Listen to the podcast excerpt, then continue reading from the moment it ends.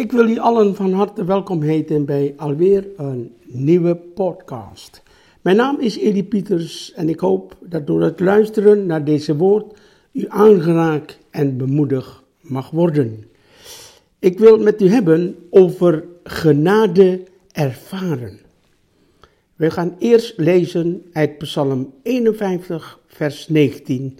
En daar staat: De offeranden Gods zijn een verbroken geest, een verbroken en verbrijzeld hart veracht gij niet, o God.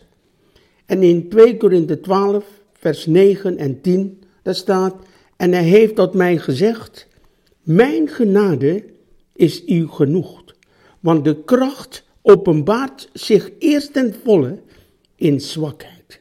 Zeer gaarne zal ik dus in zwakheden nog meer roemen, opdat de kracht van Christus over mij komen. Daarom heb ik een welbehagen in zwakheden, smaadheden, noden, vervolgingen, benauwenissen, ter wille van Christus. Want als ik zwak ben, dan ben ik machtig. Wat is genade eigenlijk? Iemand had eens gezegd, elke organisatie moet zich concentreren op datgene waar die organisatie goed in is. Een voetbalclub moet zich concentreren op voetballen. Een brandweerkorps op het blussen van branden. Een museum op het tentoonstellen van kunst. Een orkest op het musiceren en een kerk op genade. Maar waar we denk ik allemaal wel een redelijk helder beeld hebben bij wat voetballen is, mag de vraag gesteld worden of we weten waar we het over hebben als we spreken over genade. Wat is genade eigenlijk? We proeven daar iets van als we beseffen dat we in een genadeloze wereld leven. Dat is een wereld waarin deze twee basisprincipes delen. Principe 1. Als je iets wilt hebben, dan moet je daar eerst iets voor doen. Principe 2. Als je een fout maakt, dan word je daarop afgerekend. En deze twee principes maken ook gelijk duidelijk waarom de meeste mensen het moeilijk vinden om uit genade te leven. Want daar zit toch wel wat in. Het is toch heel redelijk dat je om vooruit te komen iets moet doen. En het is toch heel logisch dat we elkaar afrekenen op fouten die gemaakt worden. Waar bleven we als dat anders was? Weet u, ik weet eigenlijk niet zo goed waar ik moet beginnen en waar ik moet eindigen. Genade is namelijk zo groot, zo diep, zo wonderlijk, zo verrassend, zo tegendraads, zo krachtig en zo veelomvattend. En dan gaat het me niet eens allereerst om wat genade niet precies is. Want het gaat niet zozeer om definities en omschrijvingen, hoe belangrijk die ook zijn. Misschien hebt u in uw hoofd ook wel een omschrijving van genade. Zoiets als genade is dat ik niet zelf voor mijn zonden hoef te betalen, maar dat Jezus dat gedaan heeft. Of genade is dat God zo eindeloos goed voor ons is. Of genade is onverdiende gunst. Of genade is een één verdienen en toch een tien krijgen. En dat is allemaal ook wel waar en goed gezegd. Maar nogmaals, het gaat niet om wat we met ons hoofd weten van genade. Het gaat erom of we Gods genade ervaren. Ik wil u iets vragen. Ik wil u vragen om mee te doen in een ontdekkingstocht. Om mee terug te gaan naar de basis, naar de kern van geloven. De kern van Jezus kennen. De basis van leven met God. Ik wil u vragen om dit te geloven. Dat u en ik nog niet half weten wat genade is. Ik ook niet. Verderop in dit woord zal ik dat ook nog wat duidelijker maken. Ook ik, ook ik weet nog niet half wat genade is. Laat staan dat ik genade voluit ervaar en er echt uit leef. Want nogmaals, over genade praten of er zelfs over preken is niet hetzelfde als genade ervaren. Dus nog een keer die vraag. Wilt u even van de veronderstelling uitgaan dat u nog niet half weet wat genade is? En wilt u van daaruit meegaan op een ontdekkingstocht? Ik begin met dit woord meteen een beetje in het diepe. Ik wil het hebben over iets wat ik al een tijd op mijn hart heb. Ik wil het hebben over verbrokenheid. Wij zullen pas genade kunnen ervaren als we verbroken zijn. En ik gebruik expres dat woord verbrokenheid. Ik denk dat we het niet zo heel veel gebruiken in onze kerk. We spreken wel over de noodzaak van zondebesef. We zeggen ook wel dat we moeten beseffen hoe groot God is en hoe klein wij zijn. En daar wil ik het ook over hebben, maar met behulp van dat woord verbrokenheid. En we gaan daarover iets leren door ons te verdiepen in twee mensen uit de Bijbel, die beide ervaren hebben wat verbrokenheid is. We verdiepen ons eerst in David en daarna in Paulus, om te leren dat we genade zullen ervaren als we onze zwakheid erkennen. Om dan te, horen en hopelijk te begrijpen wat Jezus bedoelt als hij zegt, mijn genade is u genoeg. De Bijbel zegt ergens dat David een man naar Gods hart was. Er staat in Handelingen 13, vers 22. En het is niet zo gemakkelijk om dat vast te houden als we stilstaan bij wat David gedaan heeft. Het verhaal is bij de meesten van u wel bekend. David ziet vanuit zijn paleis Bathsheba een bad nemen. Bathsheba is een mooie vrouw om te zien. Davids hormonen slaan op hol en hij zorgt ervoor dat Bathsheba, de vrouw van een van de soldaten, bij hem komt en met hem naar bed gaat. Uiteindelijk zorgt hij ervoor dat Bathsheba's man Uria in de frontlinie van het leger komt en gedood wordt. De les is niet, mannen, als iemand als David als zo'n grote seksuele zonde begaat, dan is het vast ook niet zo erg als ik, puntje, puntje, en vul dan maar iets in. Nee, vanuit het standpunt van Psalm 51 is dit de les. Er is maar één manier om na de zonde weer in het reine te komen met God. Namelijk door verbrokenheid. In zekere zin is het jammer dat de zonde van David, van waaruit hij deze psalm geschreven heeft, zo op de voorgrond treedt. Zo volkomen helder en zo groot, zo verschrikkelijk fout, dat iedereen dat kan snappen. Maar zonde is niet altijd zo merkbaar. Zonde is ten diepste dat jij in je hart op de troon zit en niet God. Dat je niet beantwoordt aan de bestemming waarvoor God je heeft geschapen. En hij heeft jou geschapen om de ander lief te hebben en recht te doen. En hoe gaan we vaak om met onze zonden? We verbergen ze. We ontkennen ze. We proberen ze te verdoezelen. We geven anderen de schuld.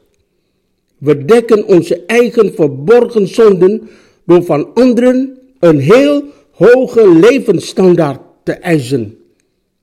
We werken ons uit de naad om God weer dankbaar te stemmen voor wie we zijn. Of we doen er nog een schepje bovenop als het gaat om onze religieuze plichten. Maar dat zijn allemaal manieren die doodlopen. Luister naar wat David zegt.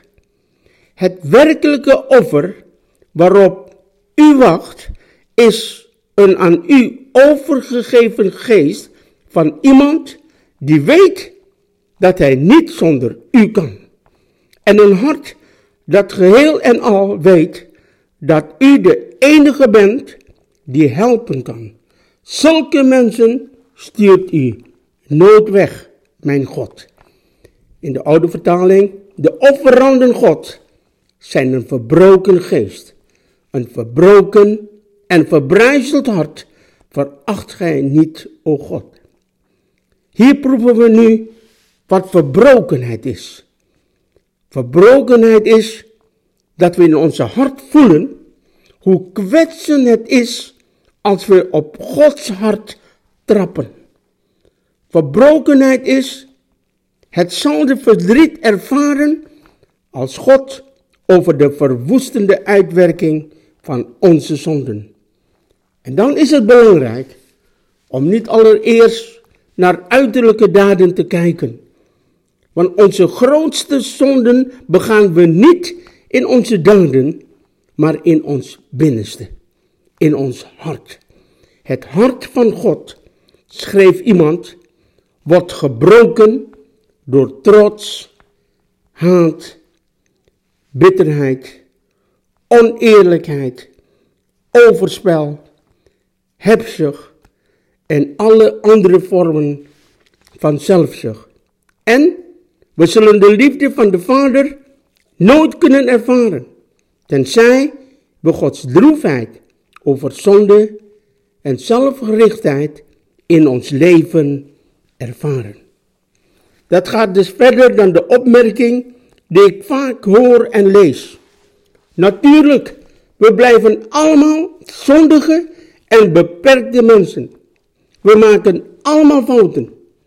Dat is zo afschuwelijk oppervlakkig, zo nietszeggend, zo mijlenver verwijderd van wat David zegt. Het offer voor God is een verbroken en verbreuzeld hart. Als u uw hart nog nooit gebroken heeft voor God, vraag God dan om uw hart te tonen, zoals Hij het ziet. De grootste sta in de weg voor het ervaren van genade is mijn trots. En hoe kun je trots herkennen? Trots heeft anderen de schuld. Ze levert kritiek en toont aan, en toont aan waarom anderen fout zijn. Trots heeft zijn eigen fout niet toe en erkent geen persoonlijke verantwoording. Trots geeft ons het gevoel dat we geestelijker zijn of dichter bij de Heer staan dan anderen. Trots brengt een gebiedende, veel eisende geest voort. Trots opent de deur voor een geest die zich niet laat corrigeren of onderwijzen. Trots is de wortel van een negatieve houding, veroordeling, kritiek, laster en kwaadsprekerij. Trots roddelt. Breek af. Breng schade toe aan iemands reputatie en geniet van berichten over mislukking en zonde. Dat vind ik allemaal heel confronterend. Want ik zie het allemaal gebeuren in mijn leven. Er is nog steeds veel trots in mij. Dezelfde David zingt in een andere psalm, psalm 131, vers 1 en 2. Heere, niet trots is mijn hart, niet hoogmoedig mijn blik. Ik zoek niet wat te groot is voor mij en te hoog gegrepen. Nee, ik ben stil geworden. Ik heb mijn ziel tot rust gebracht. Als een kind op de arm van zijn moeder, als een kind is mijn ziel in mij. En nu kunnen we ook beter begrijpen waarom David een man naar Gods hart was. David verootmoedigde zichzelf. Hij deed het zelf steeds opnieuw. Daarom zegt de Bijbel dat hij een man naar Gods hart was. David zag verbrokenheid niet als wanhoop, hopeloosheid of pijn. Hij zag het als verootmoediging, de tegenpool van trots. Daarom kon God hem genade op genade geven. We gaan nu naar Paulus om te zien dat je genade en vreugde kan ervaren in zwakheid. Het gaat over genade ervaren, werkelijk ervaren, eruit leven, met hart en ziel voelen dat God een vader is die van je houdt en die jou alles wil geven. Ervaren dat je zijn geliefde kind bent. Onze zonde en onze trots en ons gebrek aan verbrokenheid daarover is, is een enorme sta in de weg om genade te ervaren. Paulus, zijn leven en zijn bediening worden gestempeld door verbrokenheid.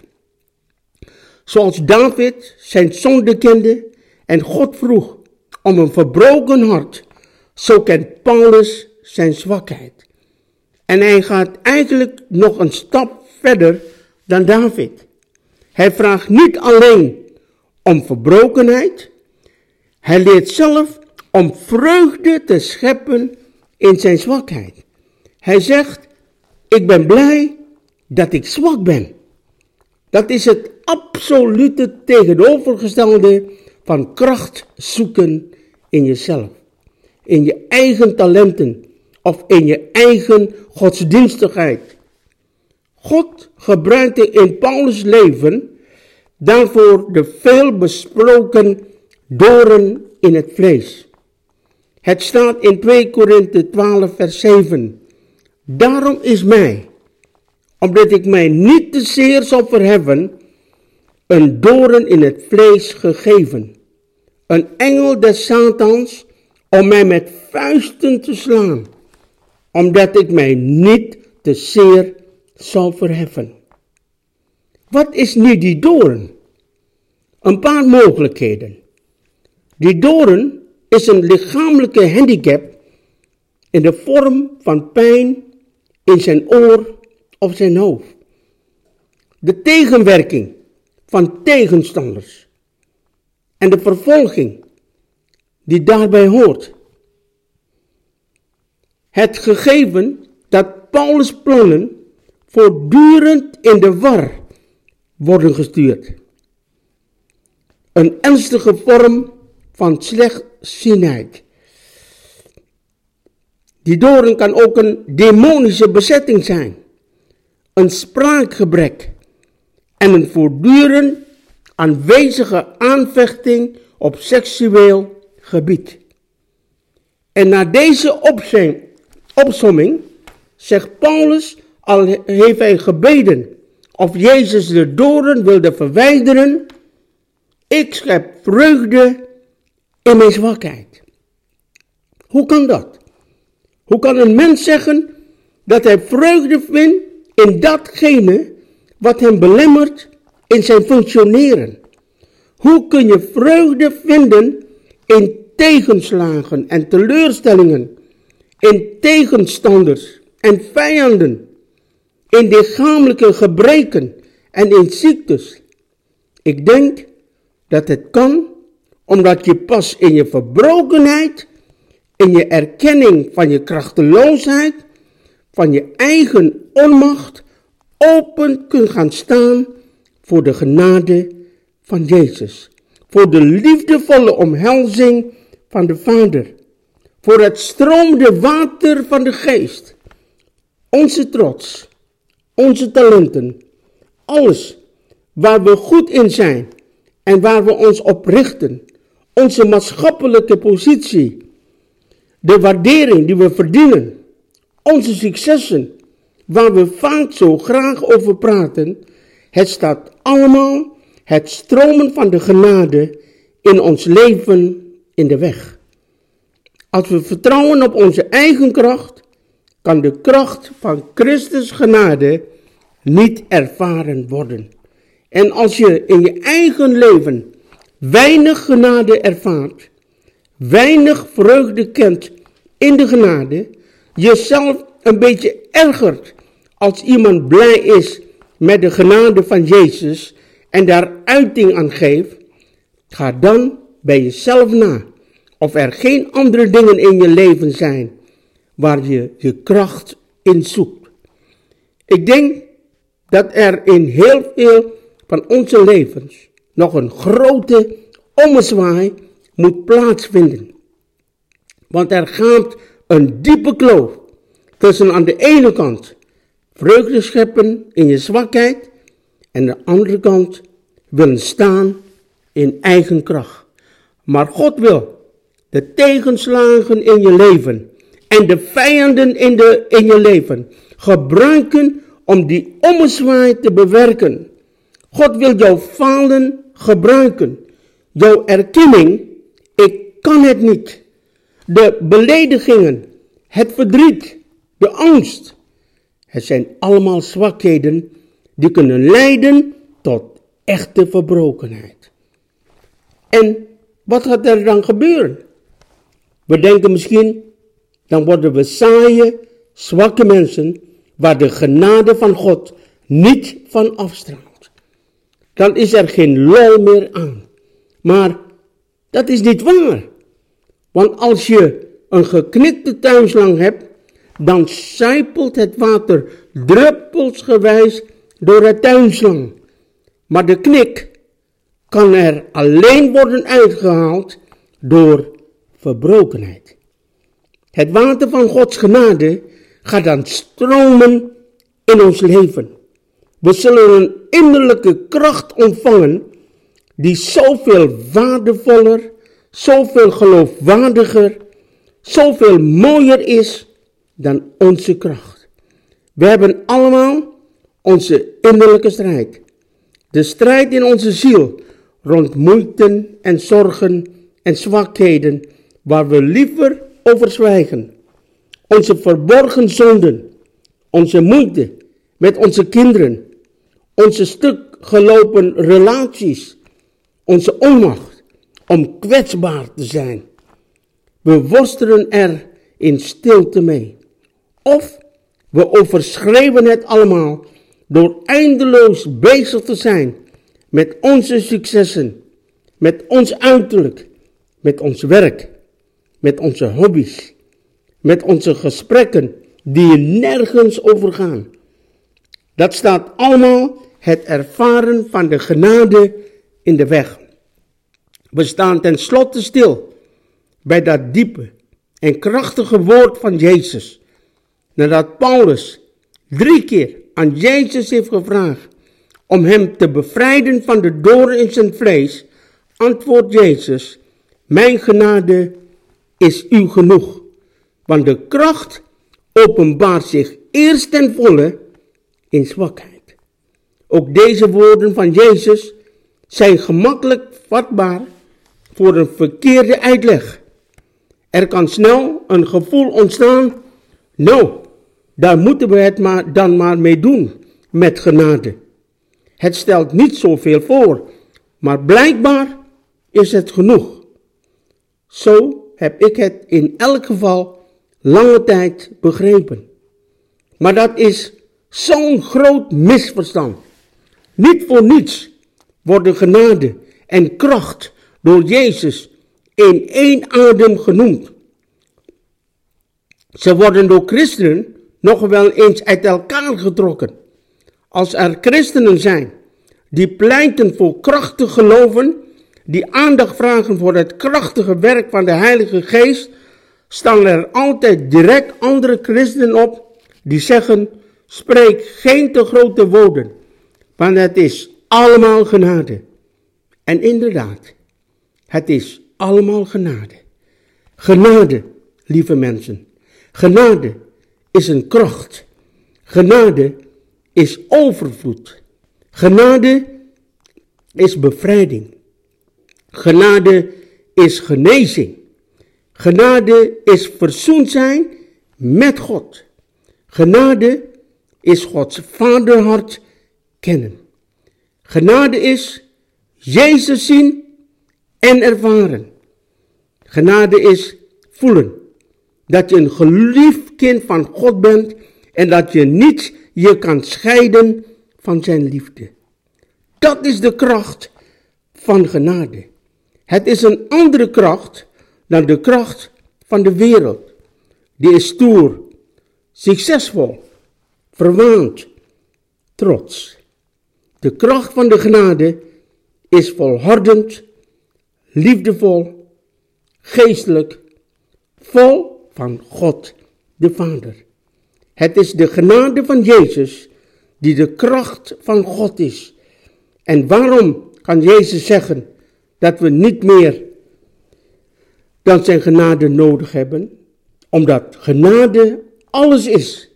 Omdat genade alles overtreft. Omdat genade zo helemaal verbonden is met het kennen van Christus. Buiten Jezus om is er geen genade.